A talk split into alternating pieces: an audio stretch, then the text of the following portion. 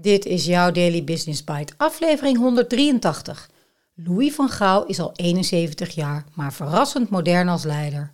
Zeven lessen voor managers door Franka Rovincusi op mtsprout.nl. Wie goed leiderschap waardeert, wordt met bondscoach Louis van Gaal getrakteerd op een mooi wereldkampioenschap voetbal. Zeven kenmerken van deze leider, gezien door de ogen van leiderschapsexpert Franka Rovincusi. Je luistert naar Daily Business Bites met Marja Den Braber, waarin ze voor jou de beste artikelen over persoonlijke ontwikkeling en ondernemen selecteert en voorleest. Elke dag in minder dan 10 minuten.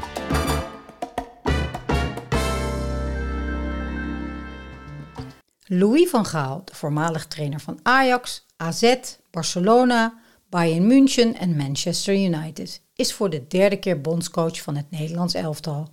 Een indrukwekkend cv, maar nooit werd hij wereldkampioen. Dit keer zegt hij dat het mogelijk is, waar anderen zich op de vlakte houden. Het is een geloof dat hij haalt uit de selectie, maar ook uit zichzelf, uit zijn eigen leiderschap en aanpak. Die aanpak heeft niet zelden een wetenschappelijke basis. Zo creëert hij heel bewust een veilige omgeving, vult hij zijn blinde vlekken aan met specialistische kennis en neemt hij altijd een weloverwogen beslissing. Van Gaal bereidt zich tot in de puntjes voor om adaptief te kunnen zijn op de onverwachte momenten. Met zijn 71 jaar behoort hij daarmee tot een moderne leider. Hoe ziet dat eruit? 1. Hij kijkt systemisch. Bij Van Gaal is geen persoon groter dan het team. Dat betekent bij de bondscoach dat hij niet naar individuen, laat staan verdetten kijkt, maar naar het geheel. Als een kernspeler binnen het systeem wegvalt, dan vervangt hij niet één op één de speler, maar het systeem. Dat deed hij bijvoorbeeld in 2014 toen Kevin Strootman door een blessure uitviel. Hij gooide het systeem om en zette volledig onverwacht Nigel de Jong in de basis. De verdetten hadden het nakijken, eenvoudigweg omdat de Jong beter in dit nieuwe systeem paste. Vanuit deze systemische blik is de relatie essentieel voor Van Gaal. Daaraan bouwt hij door met iedereen intensieve gesprekken te voeren. In die gesprekken gaat hij op zoek naar wat hen als team bindt en naar de mens achter de voetballer. Hij noemt dit het totale mens-principe. Wanneer hij begrijpt wat de ander beweegt, wat hem raakt en waardoor hij niet doet wat hij moet doen in het team, kan worden gebouwd aan dat wat wel werkt en wat ervoor nodig is om iemand in het team beter te laten presteren. 2. Hij creëert een veilige omgeving. Spelers moeten zich kunnen uiten, dat is voor Van Gaal belangrijk. Om ervoor te zorgen dat elk teamlid zich veilig voelt zijn eigen mening te geven, werkt hij vanaf het begin aan de optimale omgeving. Dat betekent in de geest van de Harvard-expert op het gebied van psychologische veiligheid, Amy Edmondson, dat zowel de autonomie van de spelers belangrijk is, als het nemen van verantwoordelijkheid in het team. Die twee gaan altijd samen. Alleen dan ontstaat er een omgeving waarin ruimte is om te presteren. Zeker in een omgeving waarin het teambelang voorop staat en de leider altijd anders kan besluiten. Dat dit goed uitpakt bij het Nederlands elftal blijkt uit de voorkeur die Memphis Depay in de media deelde. De aanvaller zei liever met Steven Bergwijn te spelen. In diverse media werd daarop gesuggereerd dat Van Gaal niet blij zou zijn met deze uitspraak. Maar de bondscoach trok er zijn schouders over op en vond het prima dat de speler zijn mening gaf. Uiteindelijk heeft hij zelfs naar de paai geluisterd alleen net even anders besloten. In plaats van Bergwijn koos Van Gaal voor Koedi Gapko. 3. Louis van Gaal heeft een duidelijke visie. We kunnen wereldkampioen worden, zei Van Gaal al voor het WK. En deze boodschap herhaalt hij zo vaak als hij kan. Zijn doel is duidelijk: voor de wereld, voor Nederland en voor het team. Zelfs toen speler Steven Berghuis hem een bericht stuurde na zijn heupoperatie, schreef Van Gaal terug: Ik hoop dat je klaar bent om wereldkampioen te worden. Door deze duidelijke stip op de horizon is de bondscoach in staat om doelgericht, doelbewust en doelmatig te veranderen. Het zogeheten purposive change van emeritus Harvard-professor Joseph Bauer. Van Gaal uit zijn visie om de verwachtingen te kunnen managen. Ik geloof dat de mensen in de organisatie dan houvast hebben, zei hij enkele jaren geleden in een op YouTube geplaatste video van een presentatie aan een groep managers. En dan gaat het niet alleen om een einddoel. Van Gaal voert die visie tot in de haarvaten door, zelfs in de toonhoogte van zijn stem of in de mate waarin hij stiltes laat vallen. Speler Daley Blind zei hierop in een interview in de Telegraaf: De groep is hongerig naar succes. Van Gaal maakt met zijn persoonlijkheid het verschil. 4. Elke speler weet wat hem te doen staat. De spelers wisten vanaf de eerste dag wat de visie van Van Gaal is en waarop zij zijn geselecteerd. Ze moesten in het systeem passen, wedstrijdritme hebben of fit zijn en de vorige keer hebben geleverd.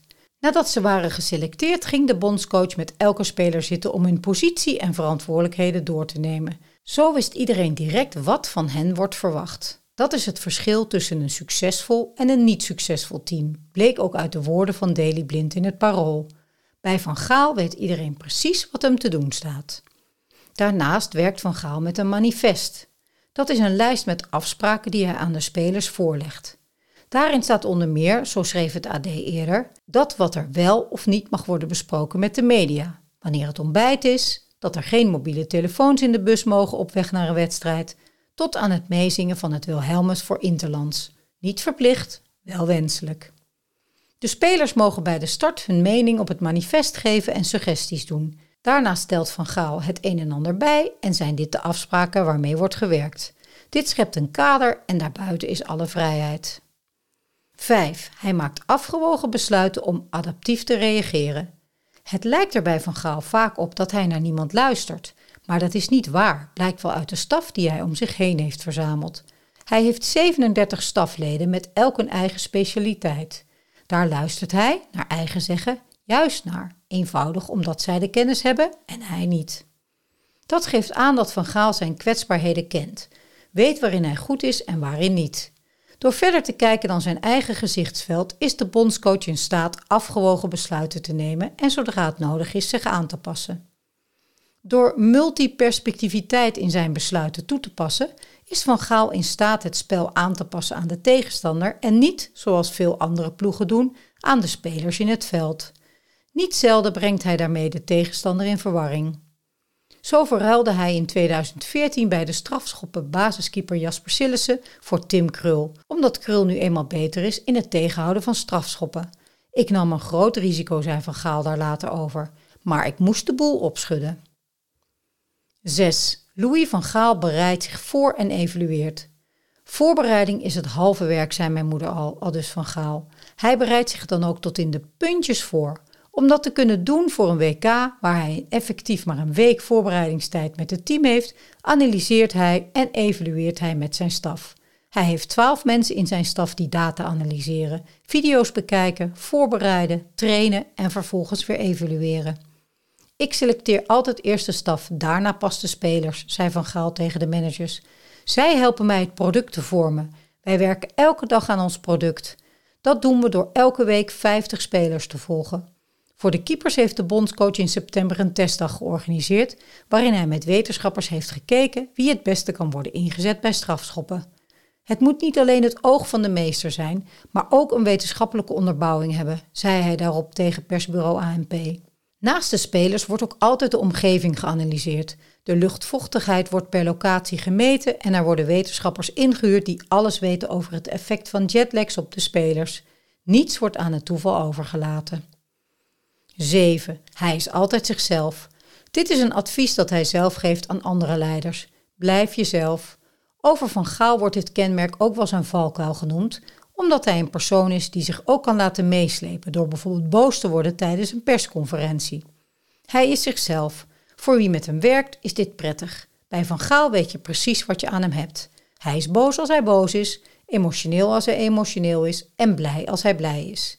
Lekker duidelijk. Hij zegt het als hij niet tevreden is, maar hij geeft ook wingback Denzel Dumfries op de persconferentie een kus op zijn voorhoofd, omdat hij vindt dat hij erg goed gespeeld heeft tegen de Verenigde Staten. Louis van Gaal zegt daar zelf over op de nieuweleiders.nl: Belangrijkste voorwaarde is vertrouwen in jezelf. Je moet daarin worden bevestigd. Daarom moet je ook belonen als leider van een groep en corrigeren. Dat is niet hetzelfde als straffen. Als je als een goed mens te boek staat, dan is de kans veel groter dat jouw visie wordt overgenomen. Daily Business Bites met Marja Den Braber.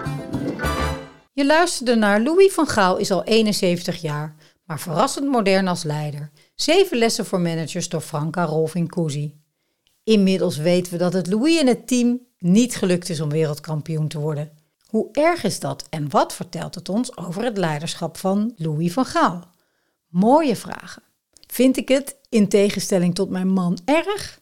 Nee, eigenlijk niet. Best bijzonder, want in mijn coaching ben ik toch wel heel erg resultaatgericht. Maar dat is misschien wel iets anders dan prestatiegericht.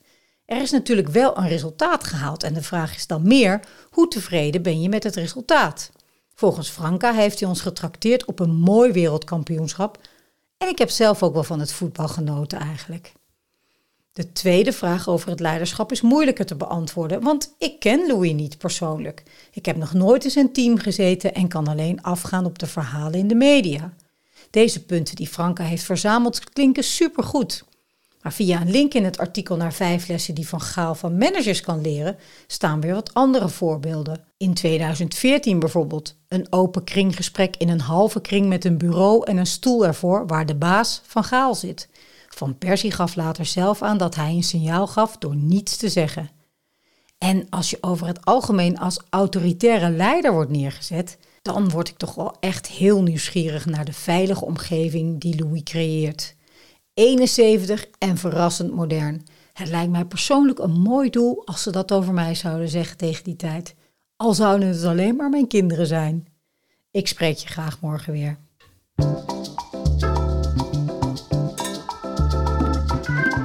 Was Daily Business Bites. Wil je vaker voorgelezen worden? Abonneer je dan op de podcast in je favoriete podcast-app. Meer weten? Klik op de links in de show notes.